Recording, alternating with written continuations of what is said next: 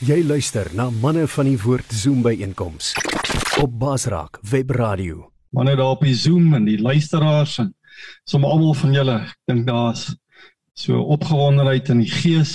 Ek dink daar gaan mooi dinge gebeur in hierdie dag. Uh, sien uit om te hoor wat gaan Blakkie, Blakkie Swart, vriend wat ons al baie jare al saamkom wat vir ons die woord gaan bring. So dit gaan baie lekker wees om vanoggend ook so 'n bietjie tyd saam met die Here te spandeer. Uh manne, ek het uh op die boodskap op die gebedsgroep het ek deurgestuur vir 'n paar manne wat ons moet oorbid. Eene was Bertus Koeglenberg. Hy is gisteroggend oorlede. Ons bid vir sy sy uh geliefdes en ons bid ook vir Louis Maree. Sy vroukie het laat weet, ehm um, hy is vir opgeneem in die ICU. Daar's redelike klompie komplikasies. Ehm um, hulle sal heel waarskynlik vandag weer moet opereer. So kom ons bid asseblief vir vir Louis ook. Ons bly bid vir Vreek um, vir die behandeling en die pad wat Vreek ook stap.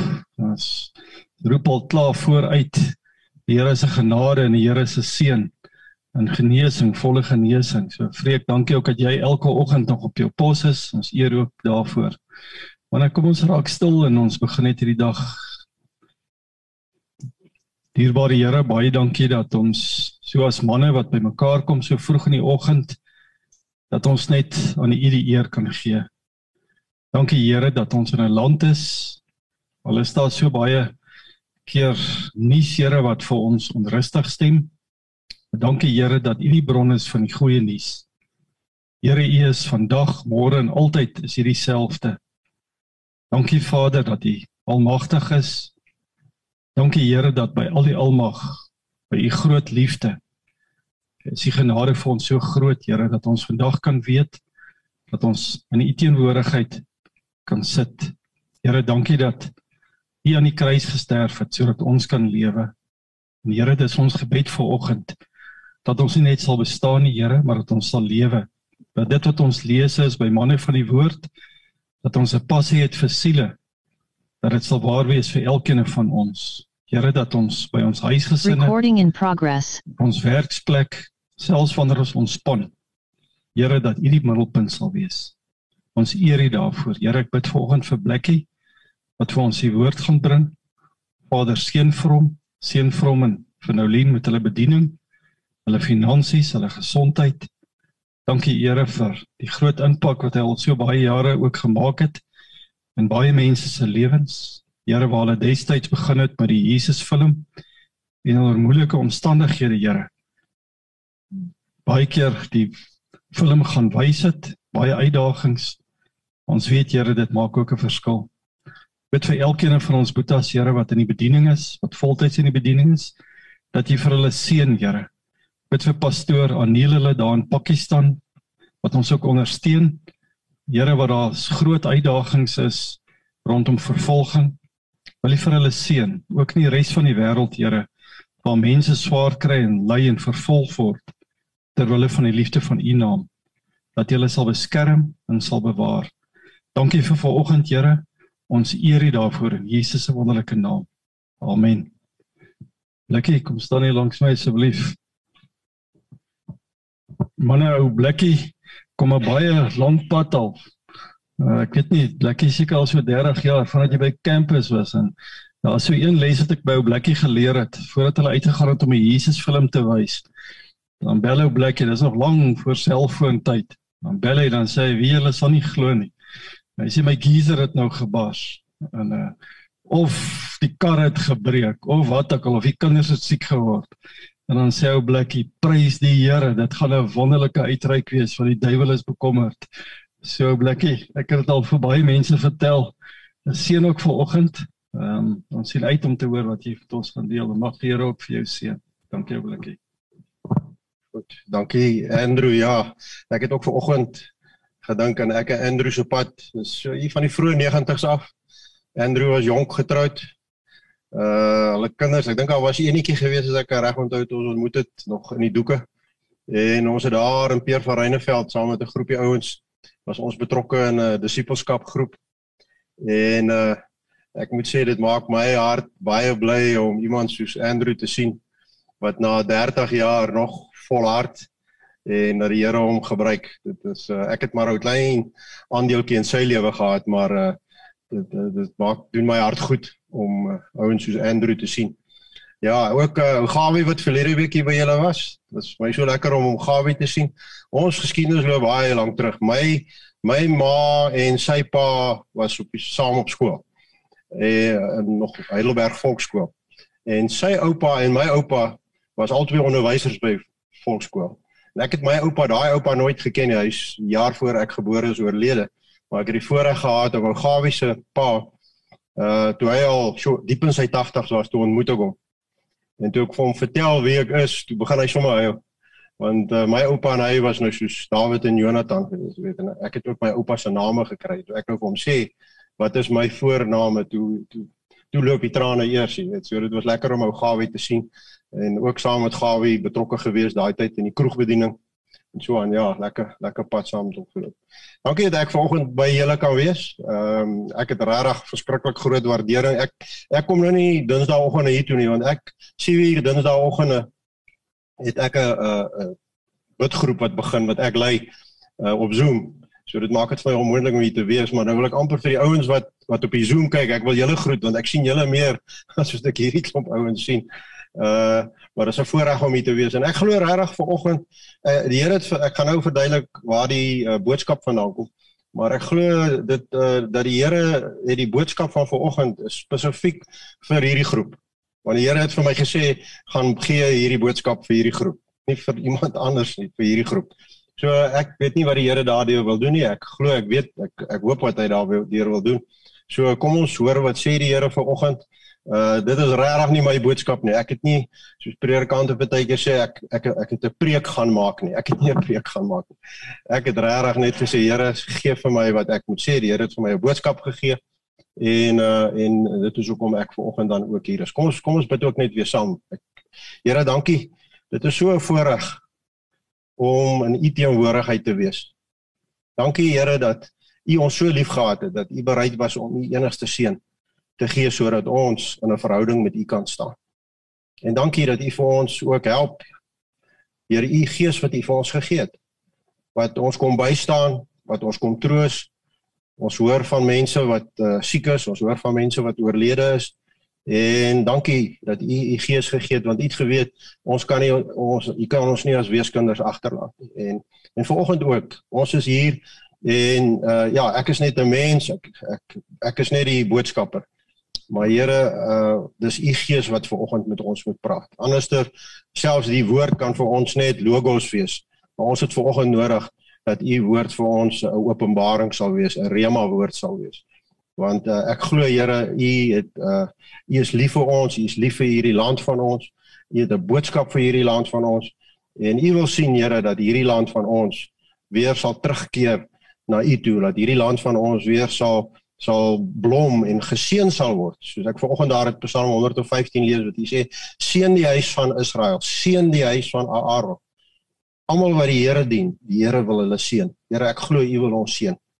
En ons is hier vanoggend om te hoor wat sê die Gees van die Here vir ons in Jesus se naam. Amen. Goed, ehm um, So twee is vandag 2 weke terug toe ek daai uh, gebedsgroep lei. Nou hierdie gebedsgroep 'n interessante geskiedenis. Uh ek was in Mauritius op daai stadium uh bediening en toe uh in 2015, 2016 was die plaaslike verkiesing. En uh en die Here het net so uit die bloute uit vir my en my vrou gesê, julle moet teruggaan Suid-Afrika toe. Ehm um, ek wil hê julle moet gaan bid vir die land uh in bid vir die verkiesing, nie vir 'n party nie, vir die verkiesing. En uh en ons het teruggekom en ek het met uh, drie ander uh, uh ou vriende van my het ons begin bid daar by die Unie gebou. Elke uh Vrydagoggend het ons eers gebid en toe het ons dit Dinsdae toe geskuif. Ons het daar begin bid. En daai groep bestaan tot vandag toe nog. Dit is nou al 6 jaar wat daai groep bestaan. Hy het uitgebrei. Ons doen dit nou op Zoom. En uh en toe ek verlede week uh, Psalm 105 het ek gevoel uh dis die Psalm wat die Here vir ons wil hê om oor te bid.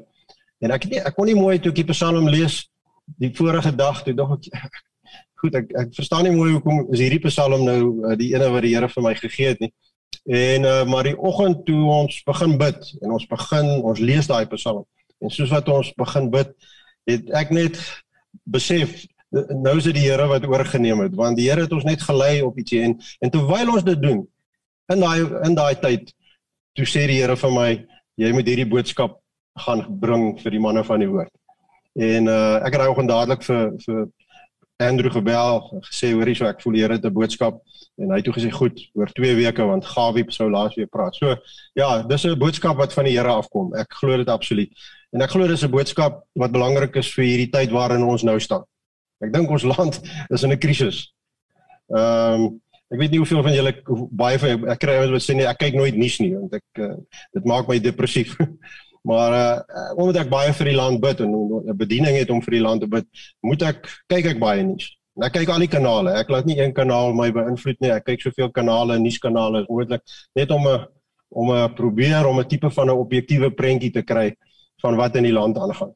En uh nou as ek nou 'n mediese dokter was en Suid-Afrika was my pasiënt dan sou ek gesê jy's nou omtrent so op vlak 4, jy weet. Kemos ouens wat kanker het, hulle sê as jy op vlak 4 is, nou as jy op vlak 4 is, dan is dit nie baie goeie nuus nie. Dan beteken dit eintlik jy's op pad uit. Ehm um, en ek glo dis hoekom die Here vanoggend met ons wil praat. So ek gaan eerstens praat daar uit Psalm 105 uit. Uh wil ek net voorlees en soos ek lees gaan ek vir julle beduie hoekom ons dit doen. En uh ons gaan net na die eerste 7 die eerste 7 versies kyk daarvan Psalm 105. Goed, want ek dink dit is wat die die belangrike wat die Here vanoggend vir ons wil sê. Goed. Ehm um, kom ek lees dit vir julle dan eh, soos ek aangaan gaan ek sommer so 'n bietjie kommentaar leer. Nou die boodskap van van vanoggend, dis wat die Here op my hart gelê het. Toe ek uh leer week toe ons hier bid, het die Here vir my gesê en ek wil dit hier lees want dis wat ek neergeskryf het. Die Here het gesê: "Neem terug die grondgebied en die eiendom wat die Here vir ons in Suid-Afrika gegee het." Neem terug die grondgebied en die eiendom wat die Here vir ons in Suid-Afrika gegee het. Nou hierdie is nie 'n politieke boodskap nie, okay? Uh hierdie is 'n geestelike boodskap. Hierdie moet ons in die geestelike konteks moet ons dit na kyk en ons moet dit daaruit ook evalueer. So kom ons lees daar uit Psalm 105 vers 1 tot 7. Hy begin om te sê loof die Here, roep hom aan. Maak aan al die nasies bekend wat hy gedoen het. Sing liedere, sing tot sy eer, vertel van sy magtige dade. Roem sy heilige naam. Laat die wat die teenwoordigheid van die Here soek bly wees. Soek hulp en beskerming by die Here, soek gedurig sy teenwoordigheid. Julle moet dink aan die magtige dade wat hy gedoen het, aan sy wonders, aan die reddingsdade op sy bevel. Julle en ek voel dis waar hy nou met ons begin praat. Julle die nageslag van Abraham sy dienaar, die nakomelinge van Dawid vir wie hy uitverkies het. Ons is uitverkose van die nageslag van Abraham. Die Here het gesê aan van Abraham, "In jou sal ek die nasies en die mense seën."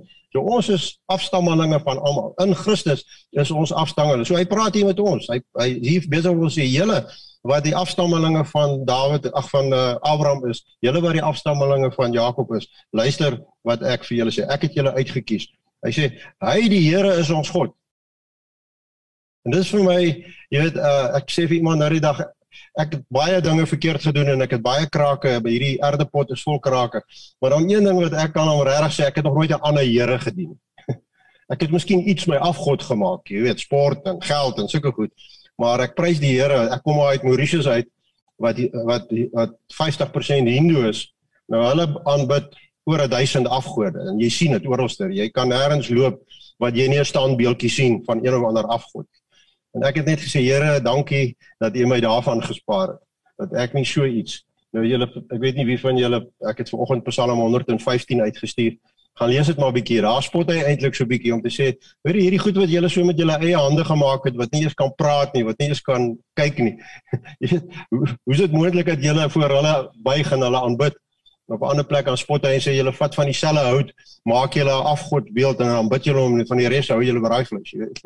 Nou ons God is 'n lewende Here. Hy is die Alfa en die Omega. Hy is hy wat vir ons hier sê, hy die Here is God. Sy reddingsdade strek oor die hele aarde. Nou hier kom hy dan ook dan sê hy hou hy hou sy verbond altyd in stand. Die belofte wat hy aan duisende geslagte toegesê het, die verbond wat hy met Abraham gesluit het en sy eed met Isak. Hy sê dan hy het vir Jakob bevestig 'n vaste toesegging vir Israel as verbond wat hy altyd sal bestaan. Hy het gesê gesê ek gee Kanaan vir jou as grondgebied en eiendom. Dit is 'n vaste verbond wat sal staan vir ewig. Maak nie saak hoe die Here van tyd tot tyd vir Israel verstrooi nie. Hy het hulle vir 70 jaar uit die land uitgevat. Ek dink na 70 na Christus na Rome uh, ag die Romeine uh, Jerusalem kom vernietig het, was hulle uit eintlik uit Israel uit gewees tot 1948. Maar hy het hulle teruggebring. En dis dis die dis die belofte wat hy aan hulle gegee het en dis die eiendom wat hy vir hulle gegee het. En so glo ek, die Here het Suid-Afrika vir vir die gelowiges, vir sy kinders as sy eiendom gegee. En dis hoekom dit so belangrik is dat ons moet besef hierdie geskenk wat ons ontvang het van die Here af. En dis nie net 'n geskenk nie, dis ook 'n verantwoordelikheid. Ons het 'n verantwoordelikheid vir hierdie land van ons. Dis nie die politici wat 'n verantwoordelikheid oor hierdie land het nie. Dit is ons as sy kinders wat 'n verantwoordelikheid. Hy het dit vir ons gegee. Nou, hoekom sê ek hy het dit vir ons gegee? Kom ons gaan 'n bietjie daarna Psalm 2 toe. Ek gaan so 'n stukke van Psalm 2 lees ook want ek wil hê ons moet daar sien uh, vir wie het die Here gesê hoekom het hy hierdie land vir ons vir ons gegee. En so het hy ander lande vir vir vir, vir ander ook gegee, maar hy hy hy begin daarso en dit is my altyd so interessant. Psalm 2 dan sê hy: "Waarom is daar onder is onder die volke? Waarom smee die nasies planne en dit te vergeefs?" Nou as ons net kyk wat op die oomblik daar in die Oekraïne aan die gang is, jy weet, en die hele wêreld is is op hulle punte van hulle tone oor wat gaan Putin doen en wat gaan Biden doen en wat gaan Johnson doen en gaan nou so, maar daar's 'n is 'n oproer, daar's 'n oproer, maar dis nie net daar nie, dis eintlik oor die hele wêreld is daar 'n oproep. Dan sê hy en hy sê dis te vergeefs. hy sê die konings van die aarde is in opstand, die leiers span saam teen die gesalfde van die Here.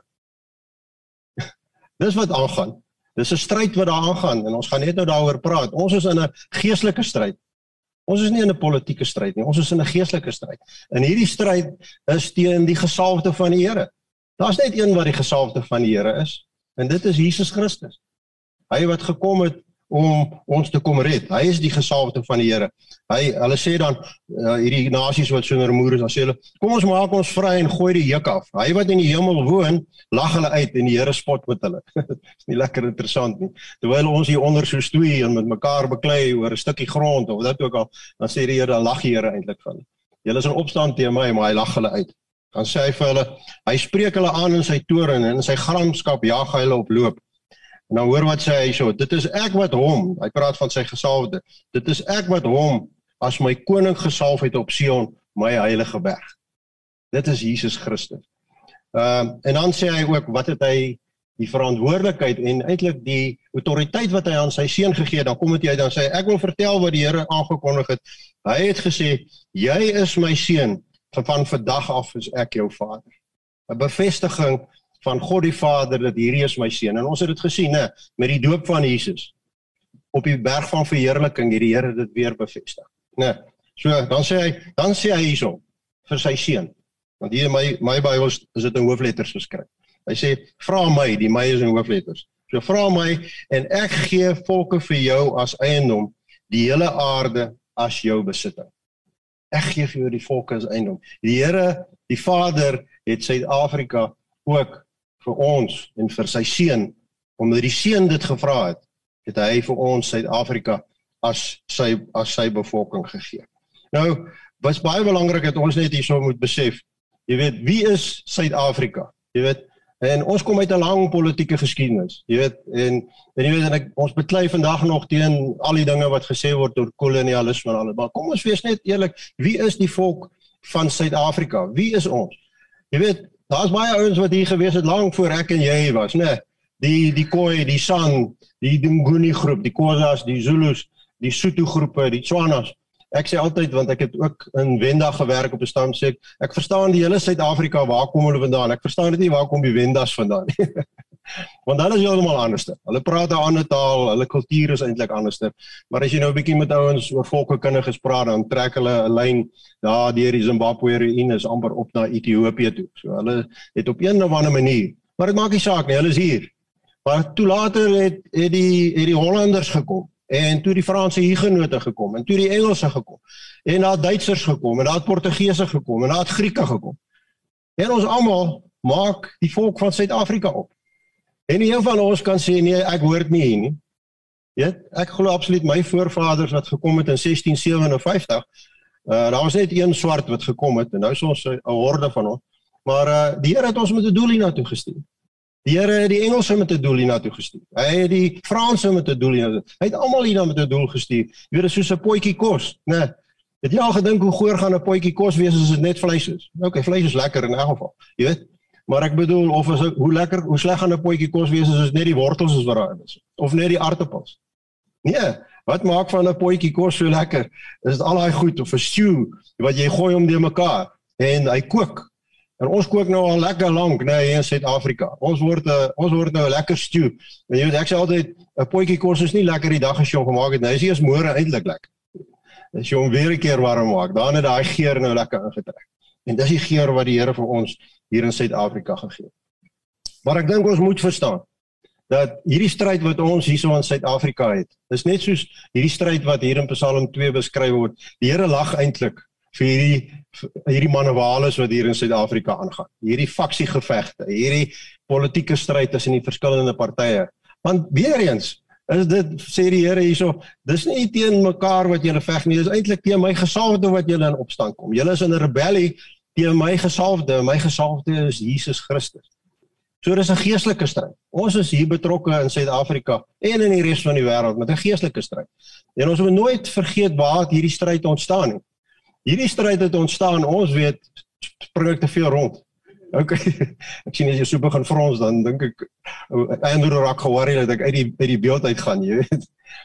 Ehm uh, hierdie is 'n geestelike stryd wat begin het in die hemel.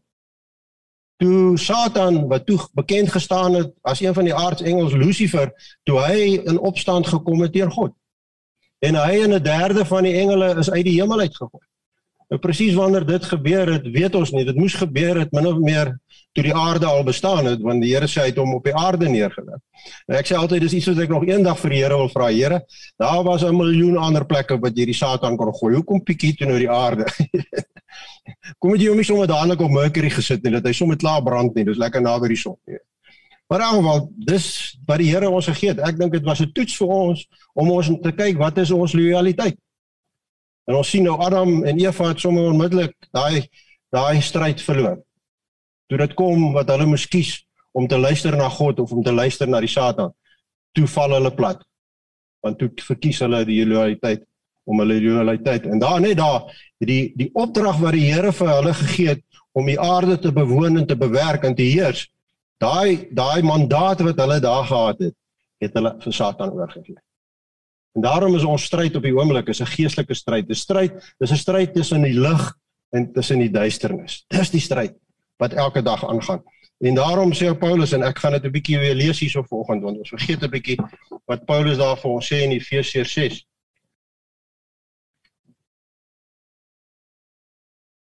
Goed, hy sê in Efesiërs 6 vir ons en laat ons net ons wonder, hy sê ons in vers 12 sê hy ons stryd is nie teen vlees en bloed nie, maar teen elke mag en gesag, teen elke gees wat heers oor hierdie sondige wêreld, teen elke bose gees in die lig. Dis waar ons stryd is. Ons stryd is nie met 'n politieke party of met 'n politieke leier nie. Ons stryd is teen die bose magte wat in lig is. Daai derde van die engele wat saam met Satan neergegooi is. Hulle werk vir hom. Hulle is sy diensknegte en hulle werk is om my en jou lewe so moeilik as moontlik te maak. En die einddoel is om ons weg te kry van 'n verhouding van God af. Want dit want die maklikste en die beste manier wat Satan kan kry om vir my om God terug te kry teen wie hy die stryd gehad het in die hemel waarvoor hy uitgegooi is, is om vir my en vir jou wat na die beeld van God geskape is om ons by te kom. Want as hy ons bykom, dan kom hy eintlik so op 'n manier kom hy vir God by. En daarom is dit 'n geestelike stryd. En daarom en ons gaan net nou ook daarby by uitkom waar die Here sê trek die volle wapenrusting van God aan. Hierdie stryd is teen nie teen vlees en bloed nie, is teen die bose magte en hulle trek die volle wapenrusting gaan van God aan. Nou, uh wat is die toestand van ons land? So ek net gesê ek 'n dokter was, sou ek baie bekommerd gewees het. Jy weet, Jesus in Johannes 10 vers 10 sê en hy gebruik die voorbeeld van 'n dief. Hy sê 'n dief kom om kom om te steel, dood te maak en te verwoes. Ek hou, ek hou van die tweede gedeelte van Johannes 10 wat hy sê, maar Jesus het gekom om vir ons die lewe in oorvloed te gee. Dis nou weer die kontras. Die kontras tussen die lig en die duisternis. Die duisternis is hier om ons dood te maak, om ons te kom verwoes en om te kom steel. Nou kom ons kyk 'n bietjie hier in ons land. Kom ons vat nou daai drie onderwerpe in die vertaling wat ek gebruik het wat praat van steel en doodmaak en verwoes. Kom ons kyk na steel. Kom ons kyk 'n bietjie na steel in ons land. Ek hoef nie vir julle te vertel van die korrupsie wat in ons land aangaan. Dit is net absoluut uh dit dit, dit raak eintlik gaan eintlik op die oomblik by belaglik verby. Ja, daar was korrupsie altyd. Selfs in die vorige bedeling was daar ook korrupsie. Maar korrupsie is nou so endemies. Dit het nou absoluut deel van die samelewing geword. Ehm um, as jy gaan kyk na dobbel, jy weet nou ek wil bietjie stil staan. Nou korrupsie, ek moet vertel, julle het almal stukke van die Zondo kommissie gelei, gekyk en geluister en so aan en ons weet al daai goed. So ek hoef nie baie daaroor te sien. Maar weet jy, die duiwel het so in ons midde ingekruip. Hy het so ons grondgebied begin kom terugvat. Ons vat so ietsie soos dobbel. Jy weet, uh jare terug was dobbel verbode. Nee, nêrens mag jy uh, amptelik gedobbel het nie. Ja, die ouens het my onderling, my pa het ook bietjie poker gespeel, jy weet, maar dit was meer as 'n uh, vermaak as as om om geld te maak. Maar uh, maar toe die tuislandbeleid gekom het en daar het die vorige regering die eerste fout begin maak. Toe begin hulle mos dobbelhuise oopmaak. Jy kon daar was 'n dobbelhuis net hier buitekant Pretoria in Bophuthatswana. Daar was daai onder in die Suid-Kaap by die Siskei en al daai plekke daar in Bloemfontein by Tabanshu het hulle ook 'n groot dobbelhuis. Toe begin dobbel so stadig inkom. Kyk waar trek dobbel vandag. Ek bedoel hier in ons eie stad het hulle gesê en hulle het daai tyd gesê ons sal nooit 'n kasino oopmaak wat naby kerke is of naby skole nie. Wat gebeur net hier naby waar ons is hier in Menlyn? Reg langs 'n skool. En die kerke, ek weet hierdie gemeente en die ander gemeentes het almal petisies ingesit. Hulle het dit net van die tafel afgevee. Want wat het gepraat? Geld het gepraat. Want waar kry hierdie regering 'n groot deel van sy inkomste? Is dit die dobbelhuise uit? En wie word verarm deur dobbel? Hoor jy, dis nie die ryk ouens wat verarm word nie. Hy gaan soontoe en hy gaan speel en hy verloor 'n miljoen, maar hy het nog baie ek nou die oggend ek uh, help met 'n padwedloop daar in Garsfontein. En ons staan 6:00 die oggend, die son het net so opgekom en hier kom twee vrouens met twee kindertjies verbygestap, so kleintjies. Dit is donker en hulle kom by my verby en ek vra vir hulle, "Hoorie, waar kom julle nou vandaan?" Nee, ons kom hier van die dobbelplek af. Ek sê vir hulle en toe, "Wat het julle gewen?" Nee, ons het alles verloor. Arme mense wat heel waarskynlik huishulpe is. Hulle het alles verloor. So dobbel in ons ingekruip. En kyk 'n bietjie vandag. Arme Hansie Kronje. Sy groot val het gekom deur dobbel, né? En toe was dit snaaks geweest. Wie is die grootste borg vandag van sport in Suid-Afrika? Ek bedoel ons stadiums word al genoem na party van die dobbelmaatskappye. As jy op die televisie kyk, kyk 'n bietjie op televisie hoeveel advertensies is daar vir al ek gaan nou nie hulle name noem nie. Jy weet en nou die dag luister ek RSG en ek word eintlik so kwaad want die vrou wat die aanbieder is sê daarso kom kry vol sakke vol geluk, kom kry sakke vol geld en daar begin sy met 'n advertensie. En ek dink wat 'n leuen. Maar dit het so 'n deel van ons samelewing geword. Dis soos daai parra wat in die in die pot sit wat so stadig warm gemaak word en hy hy besef nie hy word gaar gemaak nie. En hy dobbel so in ons ingekry. Dit is steel. Steel by die mense, deur korrupsie. En wat wat vir my so hartseer is, is dat ons as Christene val vir vir daai korrupsie. En en jy weet nou ek gaan nie die name noem nie. Een is my swaar, weer my my seun se skoonpa. Hy ry nou die dag lughawe toe hy met sy seun gaan haal by die lughawe wat van Engeland afkom en op die R21 is daar 'n padblokkade en hulle stop hom En tereg vra hulle vir hom het jy 'n vuurwapen? Hy sê ja. Hy sê waar is jou lisensie? Hy sê nee, ek het nie my lisensie by my nie, hy's by die huis. Jy sê meneer, dan moet ons jou nou arresteer. Hy sê, "Oké, okay, dan moet jy my arresteer." Sê, "Maar as jy ons nou R3000 betaal, dan uh dan sal ons jou nie arresteer." En ek is so jammer dat my swaar, hy was so onderdruk dat hy sy seun by die lughawe moes gaan haal dat hy toe R3000 uitgehaal het. Hy het geswoeg voor korrupsie. Nou onlangs gister praat ek met 'n vriendin en ek gaan ook nie haar naam noem nie. 'n Sendeling, ek dink jy sal haar naam nog almal daar ken. sy moes haar paspoort gaan vernuwe. En toe sy hier by Centurion kom, toe sy wil ingaan sê hulle, "Goed, as jy ons R500 gee, dan uh, sal jy jou paspoort binne 'n week kry." En sy swyg daarvoor. En sy gee hulle R500 en sy kry haar paspoort binne 'n week. 'n Ander vriendin van ons dit wil haar paspoort hê. Hulle sê van nee, jy, sy sê my paspoort verval in 3 maande. So sy sê gee vir ons net R500. Dan en en daai ander vri, uh, vriendin vra nog of hulle wie kry hierdie 500 sê nee ons deel dit so hier tussen almal. Maar die ander vriendin wat dit nie wou gee nie hulle het vir gesê 3 maande jy sal dit nie in 3 maande kry kruip so in in ons en ons val af voor wat uh, ons moet eintlik huil daaroor. Doodmaak ons kyk na die misdaad in ons land sjoe hulle het nou hierdie naweek weer die die misdaadsyfers die nuwe statistiek dit is En ek luister gisteroggend wat uh, eh, Dr. Chris Burger van die Instituut vir Strategiese ietsie something praat. Hy sê man, die statistiek wat wat die minister bekend gemaak het Vrydag, is nie 50% van die werklike statistiek van die misdaad in ons land. Daar gaan 60 mense 'n dag word in Suid-Afrika vermoor. 90 vrouens word elke dag in Suid-Afrika verkragt.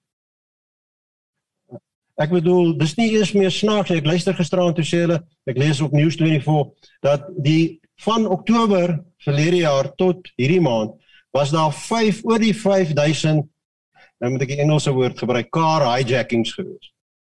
5000. Dit dit het nou die sport geword lyk like dit vir my. Dis 'n manier om geld te maak.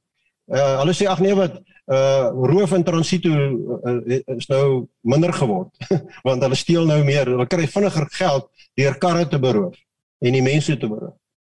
Dis eintlik tragies om te dink en ons ry rond. Ek woon ek het ingetrek in 'n area hier in Newlands. Toe ek al ingetrek het 22 jaar terug, het ek daar gaan bly want dit was 'n rustige area. Dit was nou 'n regtige voorstedelike area wat ek gevoel het dis rustig vir my en my kinders. Ek moet vir julle sê ons area dis 'n ek wil amper sê 'n running crime scene geword. Ek bedoel ek het nou ek gaan draf, ek gaan draf nou die middag. En in daai tyd wat ons draf toe kry ek 'n berig dat op die hoek waar ek en my vriend verbygehardloop het, net voor ons huis, het hulle 'n vrou wat gaan draf het, het hulle kar gestop, haar horlosie, haar selfoon gevat en verder gery. Dis nou die die lekker woonbuurt waar ek kan bly. En dan gaan nie 'n dag verby daar in Newlands waar ek bly, langs Ashley Gardens, waar daar nie een of ander misdaad is nie. Ja, dis hier tussen ons. Ons kyk ook na die doodmaak. Aborsie. Ja. Weet, ons lees nie daarvan nie. Ek weet nie daai statistiek nie. Jy weet, die Here sê ek het jou geken voordat jy nog in jou moeder skoot was. Ek het jou aan mekaar gewewe in jou moeder skoot. En dan argumenteer ons nog van wanneer af is daai embrio wanneer word hy mens en wanneer word hy nie mens? Mense dis moord. Dis nie is doodmaak nie. Dit is moord. En dit gebeur nie by die tientalle nie nie by die honderdtalle. Dit gebeur by die duisende elke dag in Suid-Afrika. Ons grond word bevlek deur bloed. Die bloed van kinders wat hierdie land in die toekoms moes kom bewoon het en wat in hierdie land moes regeer. Wat doen ons daaroor? Niks. Wat doen ons? Wie van julle het al onlangs gedink oor abortus? Sommige net interessant is onhou. Wie kan regtig sê hy die afgelope week gedink ja, dis dan terrible hierdie abortus in ons land wat mense so kinders so doodmaak.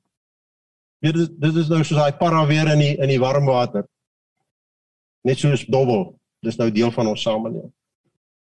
Ons kyk na die verwoes want hier is vir my die belangrikste ding. Die verwoes voel ek in hierdie term wat hy van praat dui vir ons op die geestelike aanslag wat daar op ons in Suid-Afrika is. Ons kyk na kerkbywoning. Nou weet ek sit hier so ek is 'n sendeling ek is 'n evangelis en ons altyd gesê jy weet as jy in 'n kerk enige gemeente vat deursnee gemeente die persentasie wat in die gemeente is baie van hulle is lidmate Maar hoeveel van hulle is regtig wat Jesus van praat, die wat God in gees en in waarheid aanbid? Wat hy praat van die ware aanbidders. Ons weet dis dis dis nie 100% nie, dis nie eens 80% nie, dis 'n baie laer persentasie. Die meeste ouens sê vir jou as 'n land se evangeliese Christene 20% is, dan dan is jy eintlik oukei. Okay.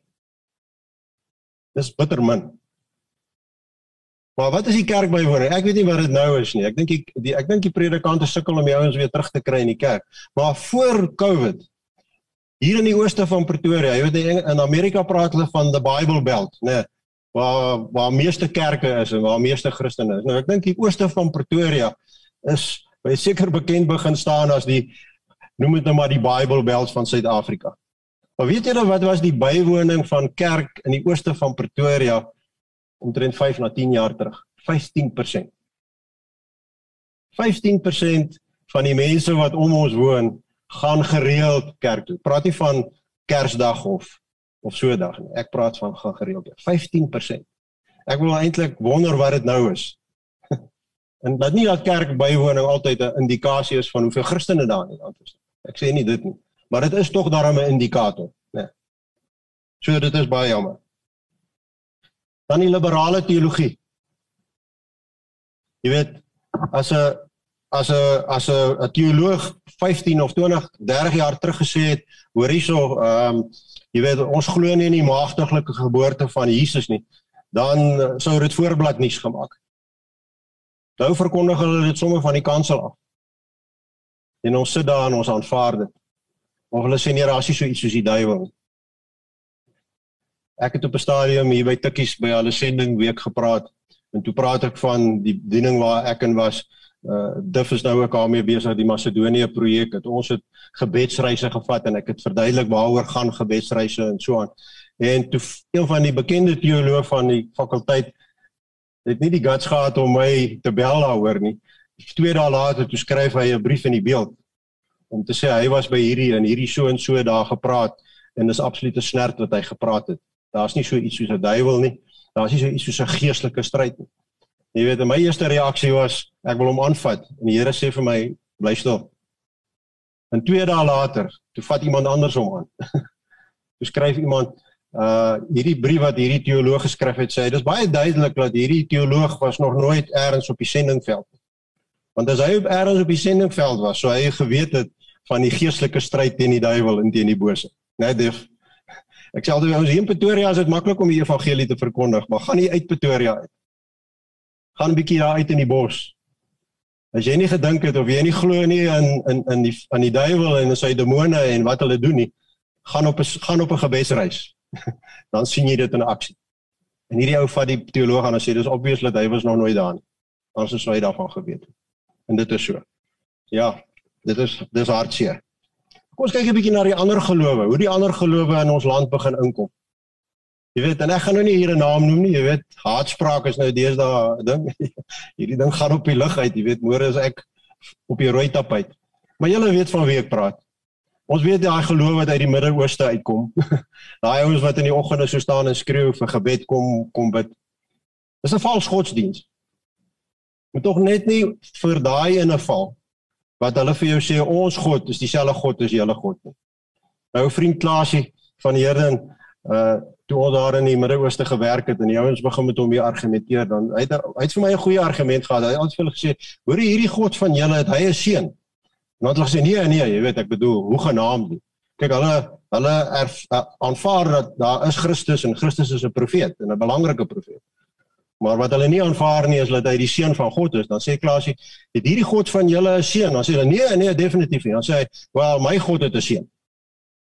Sy naam is Jesus Christus. So ons kan nie dieselfde God aanbid nie. Hulle aanbid 'n ander God. Hulle aanbid 'n vals God.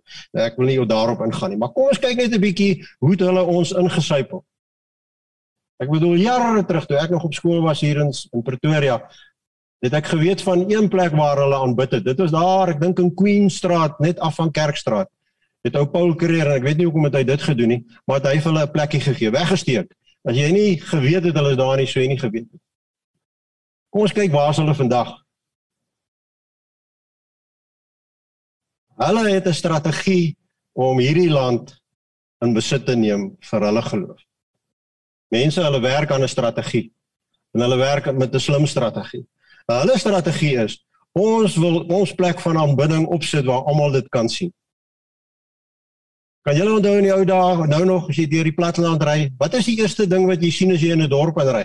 Die kerktoring. Dit was 'n 'n simbool van waar die lewende God aanbid word.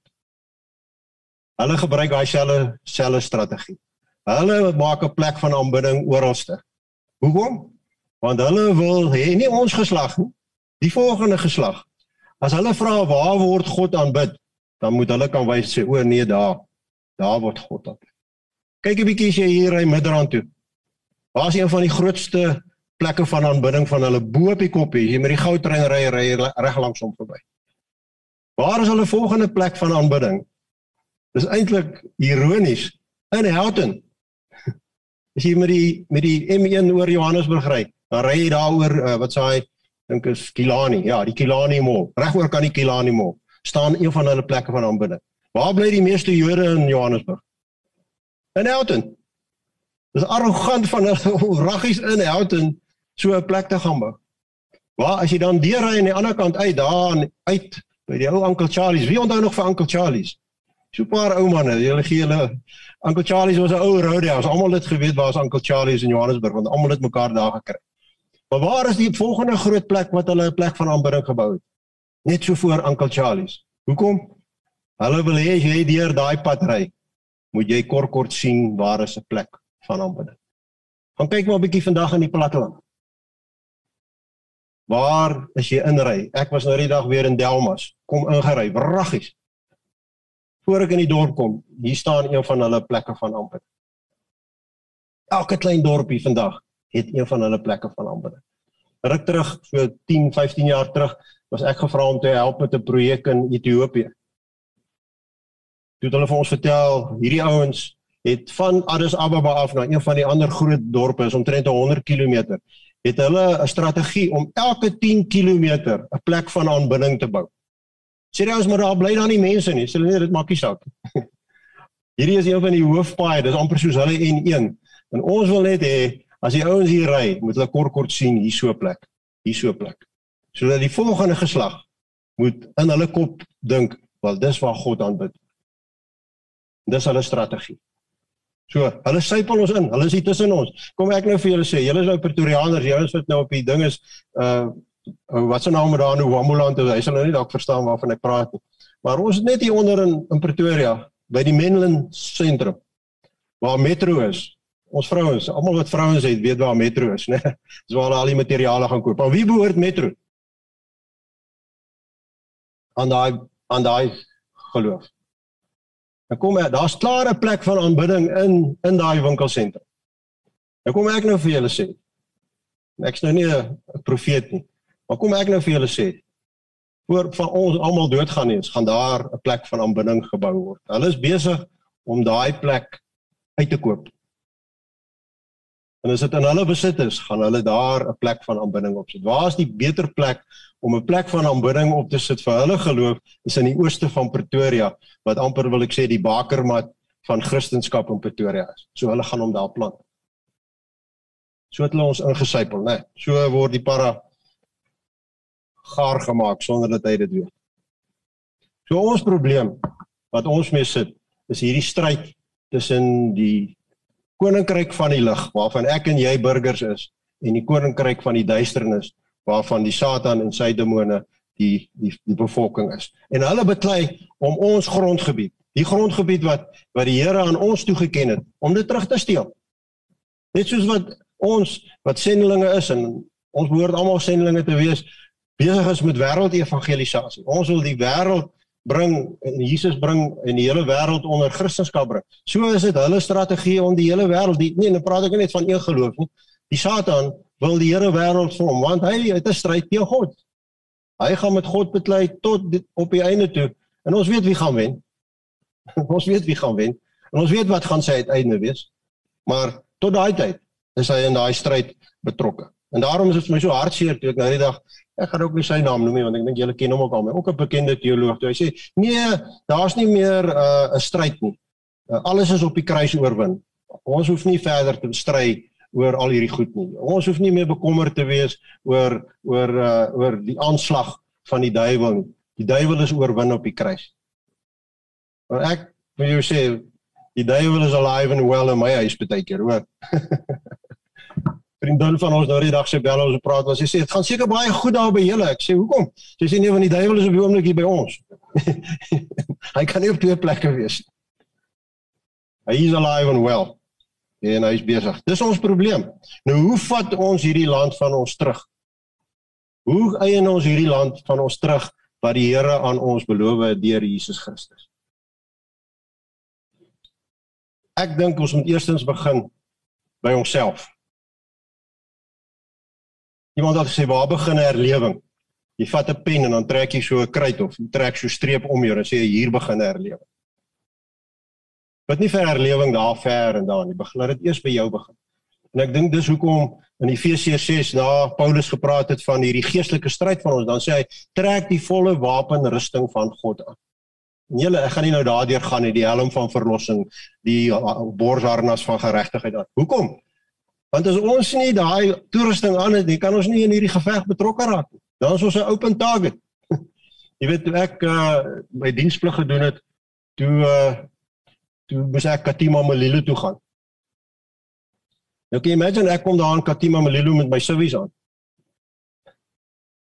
En hulle gaan uit op 'n patrollie en ek gaan loop saam met hulle op patrollie met my civies aan. En ek het nie die toerusting aan wat die weermag my geleer het om te gebruik nie en hoe om dit te gebruik. Hulle wil daai ouens sal my nie saamvat nie. Ek was 'n mediese offisier daai tyd. En daar was van die ander mediese offisiere as ons op patrollie gegaan het, het van die ander ouens daar die infanterie ouens gesê, "Hoorie, daai daai dokter en daai dokter gaan nie saam met ons nie." Want hulle het geweet hoe hierdie ouens gaan vir ons moeilikheid gee. As die koels begin vlieg, gaan hierdie ouens vir ons 'n groter gevaar word as die vyand teen wie ons besit. Want hulle Hulle was nie toegerus nie. Ek het my laat toerus daai tyd, maar hulle was nie toegerus nie. Jy weet, toe ek gegaan het op, het hulle my ook toegerus. Jy weet, in Pretoria, toe ek hierdie mediese offisier was, het ek nie nodig gehad om met 'n AK of met 'n R1 rond te loop of met 'n met 'n pistool nie. Hoekom? Wel, die oorlog was nie hier nie. Die oorlog was deur ver, 2000 km. Maar toe ek hier daai dag op die Flossie klim, toe ek aan die kant afklim, moes ek my R1 en my my ster Parabellum by my gehad het. Jy weet, en die ouens wat daar op die grens weet, jy kan nie eens toilet toe gaan sonder hom nie. As jy gevang word sonder jou R1, as jy in die moeilikheid. Hoekom? Want jy moet paraat wees. Jy moet eerstens paraat wees. As jy nie paraat is nie, as jy nie die volle wapenrusting aan het nie, is jy die grootste teiken. En as jy val, want wat sê Paulus hierso? As hy sê uh ons moet die volle volle wapen sodat jy julle plek kan vol staan. Elkeen van ons moet net ons plek vol staan maar ons moet die wapenrusting van God aan hê en toegerus wees om dit te doen. Nou uh, wat is die strategie vir ons om hierdie land terug te neem? Ek dink die strategie het Jesus, die la een van die laaste dinge wat hy gedoen het voor hy opge is opgeteken vir ons in Matteus 28 wat hy gesê het: "Gaan dan heen en maak disippels van al die nasies en doop hulle in die naam van die Vader, die Seun en die Heilige Gees en leer hulle om alles te onderhou wat ek julle beveel het." Dis die strategie. Dis 'n strategie wat Jesus vir ons daag gee. Dit was al die ander instruksies wat hy gegee het. Hy het baie instruksies vir 3 en 'n half jaar vir sy disippels gegee. Wat dink julle sou die belangrikste instruksie gewees het net voor hy weggetrek? Gaan maak disippels van al die nasies. Ek en jy, die gelowiges. Ons is die weermag van die Here. Nie ek wat 'n professionele sendeling is nie of dif wat 'n professionele sendeling is nie. Julle ander ouens, ek ken nou nie julle almal hierso nie. Uh maar as jy net uh, waar jy is of jy nou 'n ingenieur of 'n onderwyser of 'n skrynwerker is, die Here het jou daar gesit. Dis die grondgebied wat die Here wil hê jy moet terugvat. Dis nie vir my en vir Div en ander ouens om te kom na jou besigheid en met jou en werksmense te kom praat om te sê hoorie, hoorie ken julle vir die Here nie, julle moet hom dien nie. Nee, dis jou verantwoordelikheid. Dis jou grondgebied. Jy moet dit terugvat. Jy moet dit kom toe en vir die Here. So die strategie van die groot opdrag om disippels te maak, dis die strategie wat die Here vir ons gegee het. Nou wat is die plan? Dis die strategie, maar wat is die plan? En ek wil afsluit daarmee. Dis die twee belangrikste dinge wat ek vanoggend vir julle kan sê, want as ons hierdie grondgebied wat die duiwel besig is om te wen in Suid-Afrika, as ons dit wil terugvat, dan is daar twee dinge wat ons doen as uitvoering van die groot opdrag. En die eerste ding begin by gebed. Die Here het, het my deur 'n proses gevat. Ek was destyds uitgestuur om in Marokko te gaan werk.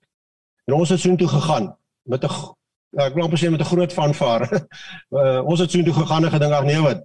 chop chop gaan ons Marokko deurdraf. Binne 48 uur. Toe sluit hulle ons ouens toe. Die word ons uit die land uitgesit.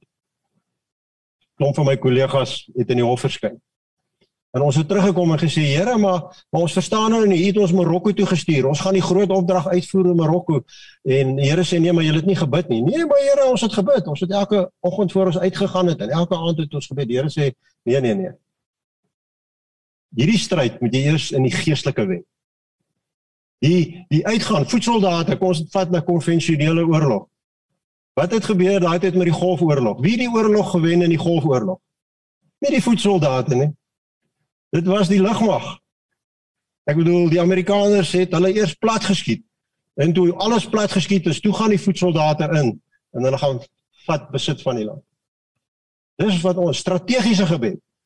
En mense uh, my vrou is is regtig dink ek 'n ekspert hierop want die Here het haar deur 'n leerskool gesit oor oor wat is strategiese gebed. En jy weet ons het daarna teruggegaan Marokko toe met strategiese gebed en ons het moes op 'n op 'n harde manier gaan leer wat is strategies gebed want ons het nie geweet nie. En toe ons 'n jaar of 2 later teruggaan, het ons al die werk wat ons wou gedoen het binne 2 weke, het ons toe gedoen gekry. Maar deur gebed, deur die strategiese gebed, het het ons die vyand uitgehaal, sy sterk plekke het ons afgehaal. Die Here sê vir ons 2 Korintiërs 10 vir ons. Hy sê die wapens waarmee ons beklei is nie die wapens van hierdie wêreld nie. Dis die kragtige wapens van God wat vestings neerwerk.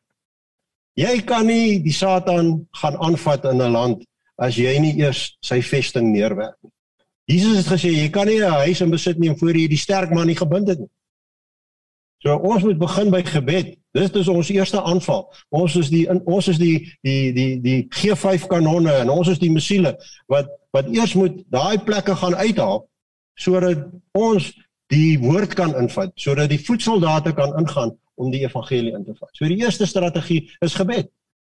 En en ons moet begin met 'n gebedsstrategie in hierdie land van ons. Ons bid. Ek ek sê nie, jy weet ek ek haal my hoed af vir ouens soos Jericho Mure en die ander ouens uh Angus Bakken en almal. Dit almal gebedsstrategie. Maar my vraag is, hoe strategies is die gebed?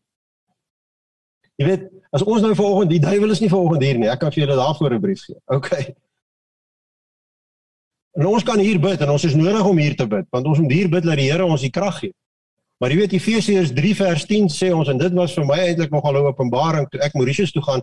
Toe sê die Here vir my: "Hier is jou mandaat skrifgedeelte." En Efesiërs in Efesiërs 3 vers 10 sê ons die kerk, hy noem dit daardie kerk Paulus, moet in hierdie tyd die wysheid van God gaan bekend maak aan wie?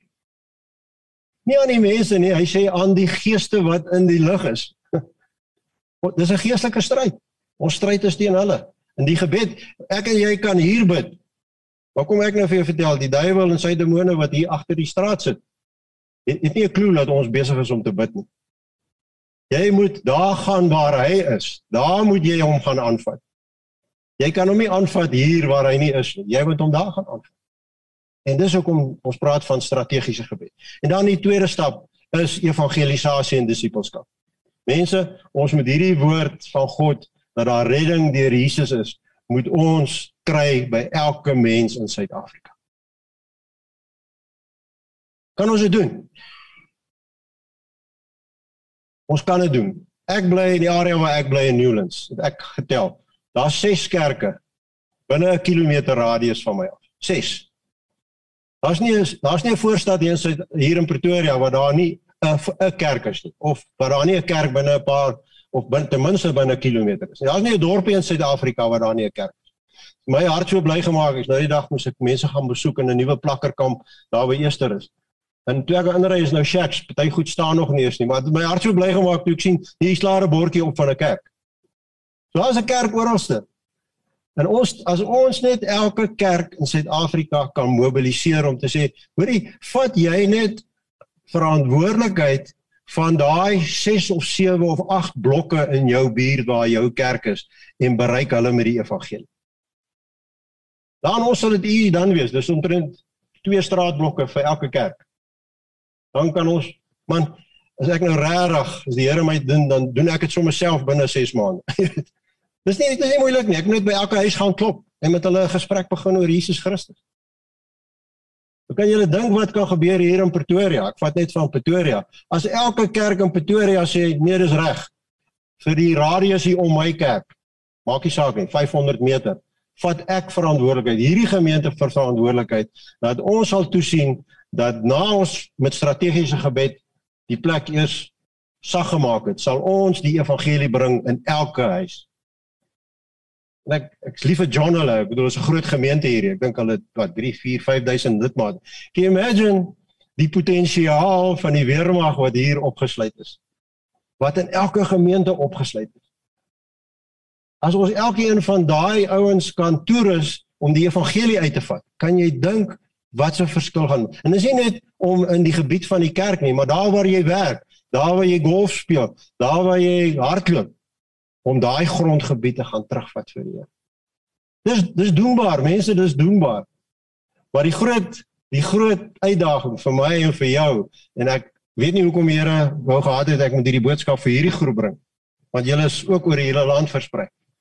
Hoe mobiliseer ons die kerk en sy lidmate in Suid-Afrika? Hoe kry ons hulle uit hulle stoele uit? Ons gaan nie Suid-Afrika wen deur elke sonoggend die kerk vol te sit. Dis waar jy moet gaan kry om om om om versterk te word, waar jy jou wapenrusting gaan kry. Efesiërs 4 vers 11 sê, daarom het hy vir ons evangeliste, profete, herders, daar's vyf van hulle gegee. Hoekom? Wat is hulle rol? Om die gemeente toe te rus vir hulle dienswerk. Dit sou onverantwoordelik gewees het toe ek daar bo in die grens was as die offisiere en die onderoffisiere wat ons moes oplei, ons nie opgelei het nie en gesê het, "Hoerie, okay boys, uh gaan uit op 'n patrollie." Sou nagmerrie gewees het. Sou sou nêrens gekom. Hoe mobiliseer ons die kerk en die lidmate in die kerk om hierdie verantwoordelikheid wat ek glo op elkeen van ons lê te doen om die grondgebied van Suid-Afrika terug te vat. Ons het 'n pragtige land. Ons het 'n land met een van die meeste hulpbronne. Jy weet, iemand vra nou die dag vir 'n Koreaanse vrou, laasweek kyk ek het hulle vra van, "Hoekom hoekom doen Korea, Suid-Korea, praat nie van Noord-Korea, hoekom doen Suid-Korea so goed?" Julle het geen grondstowwe nie. Julle voer niks omtrent uit nie. Ek bedoel wat weet grondstowwe nie. Hoe kry dit sê sy ons het mannekrag. Hierdie land van ons is wat hy is omdat die mense van hierdie land gemobiliseer is en elkeen werk en gee sy beste vir hierdie land. Imagine as ons wat gelowiges is kan opstaan en sê ek is bereid om my alles te gee sodat ons hierdie land kan terugwen vir die koninkryk van die lig en dit uit die hande te vat van die koninkryk van die duisternis. Nou, ek het nie daai antwoord nie. Jare terug in die 90's het ons begin met 'n proses om die kerk te probeer mobiliseer vir sending. En ons het 'n proses gehad wat ons genoem het Love Southern Africa. Ons het elke jaar 'n groot konferensie en, en en dit het sy effek gehad. Daar het letterlik honderde en ek wil self sê duisende sendlinge het uitgegaan. Dit was 'n 'n strategie om die om die kerk in sending betrokke te kry. Hoe gaan ons die kerk en sy mense in beweging kry om hierdie land terug te vat vir die koninkryk van die lig? Dis ek het nie daai antwoord nie.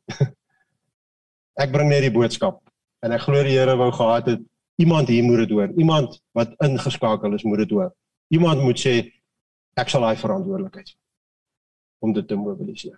Kom ons bid. Here, ons staan voor 'n onmoontlike taak hier. Maar ons weet net u skrif sê ook wat vir die mens onmoontlik is, is vir u moontlik. En ons weet Here, u elke mens wat op hierdie aarde geskaap is, al omtrent 7 miljard, het u geskaap met 'n doel. Want u het hulle geskaap na u beeld. En of hy nou daar ver ergens is wat ons nie eens van weet nie en maak nie saak wat se geloof hy aanhang op die oomblik nie en maak nie saak wat hy doen nie. Here, dis u wil dat elkeen van daai mense tot die laaste een in u koninkryk sal inkom. Here, ons moet kom bely vanoggend. Ons het in ons taak regtig in 'n groot mate gefaal. Nog nie eens 50% van die wêreld se bevolking, se volkere het die evangelie gehoor. Here, vergewe ons dat ons die taak wat U vir ons daar gegee het voor U opgevaar het hemel toe om disippels te maak van al die nasies, dat ons dit nie opgeneem het nie. Nie ernstig opgeneem. maar dat ons hier langs die pad uh op afdraai paaie gekom het. En vandag sit ons nou met die gevolge daarvan. Here dat hierdie pragtige land van ons soos die skrif ook op 'n ander plek sê, ons land is deur die heidene ingeneem. Dis soos 'n bosvark wat besig is om die grond om te dolwe. En ons sien dit hier, Here, en dit maak ons hartseer. Want dis 'n pragtige land wat U ons gegee het.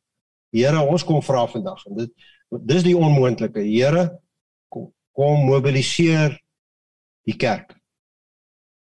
Die gemeenskap van die gelowiges sodat ons hierdie land kan terugvat en dat U die eer daarvoor sal kry en dat U koninkryk sal kom net soos wat dit in die hemel is so ook op die aarde.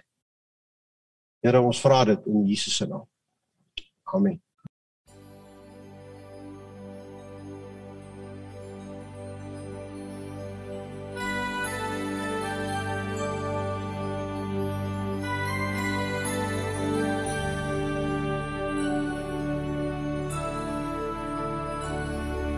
van tyd tyd tot by Walvis Bay Kapen tot in Saraway waar Afrika draai kry hier mooi land sy lê ver klink 'n stem deur die nag sal ek stuur en wie hou wag wie dra my boodskap van hoor wie sal loop waar ek loop hier en hier ons weer een hart vir die land en sy mense Laat ons wees soos fonteine, laat ons vloei deur die woestyne, laat ons lewe bring.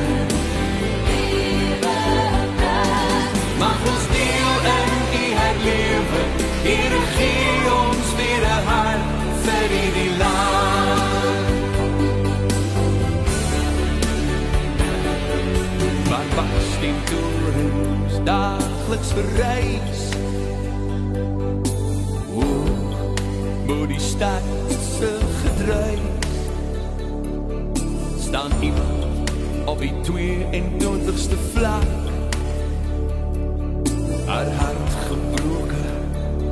gees geknak en sê my wie sal kyk na die kind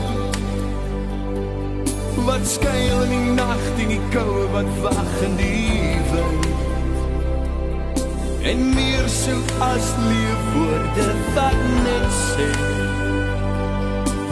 Jesus het julle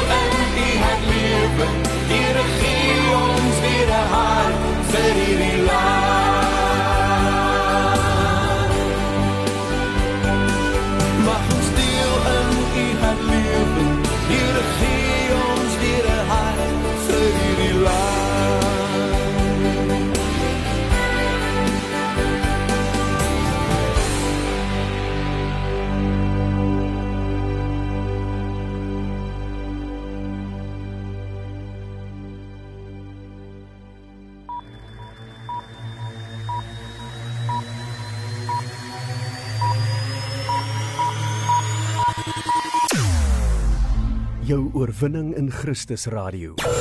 Basraak Webradio. Basraak, jy kan enige uitdaging of bekommernis in jou lewe basraak. Basraak. Basraak Webradio op www.basraak.tv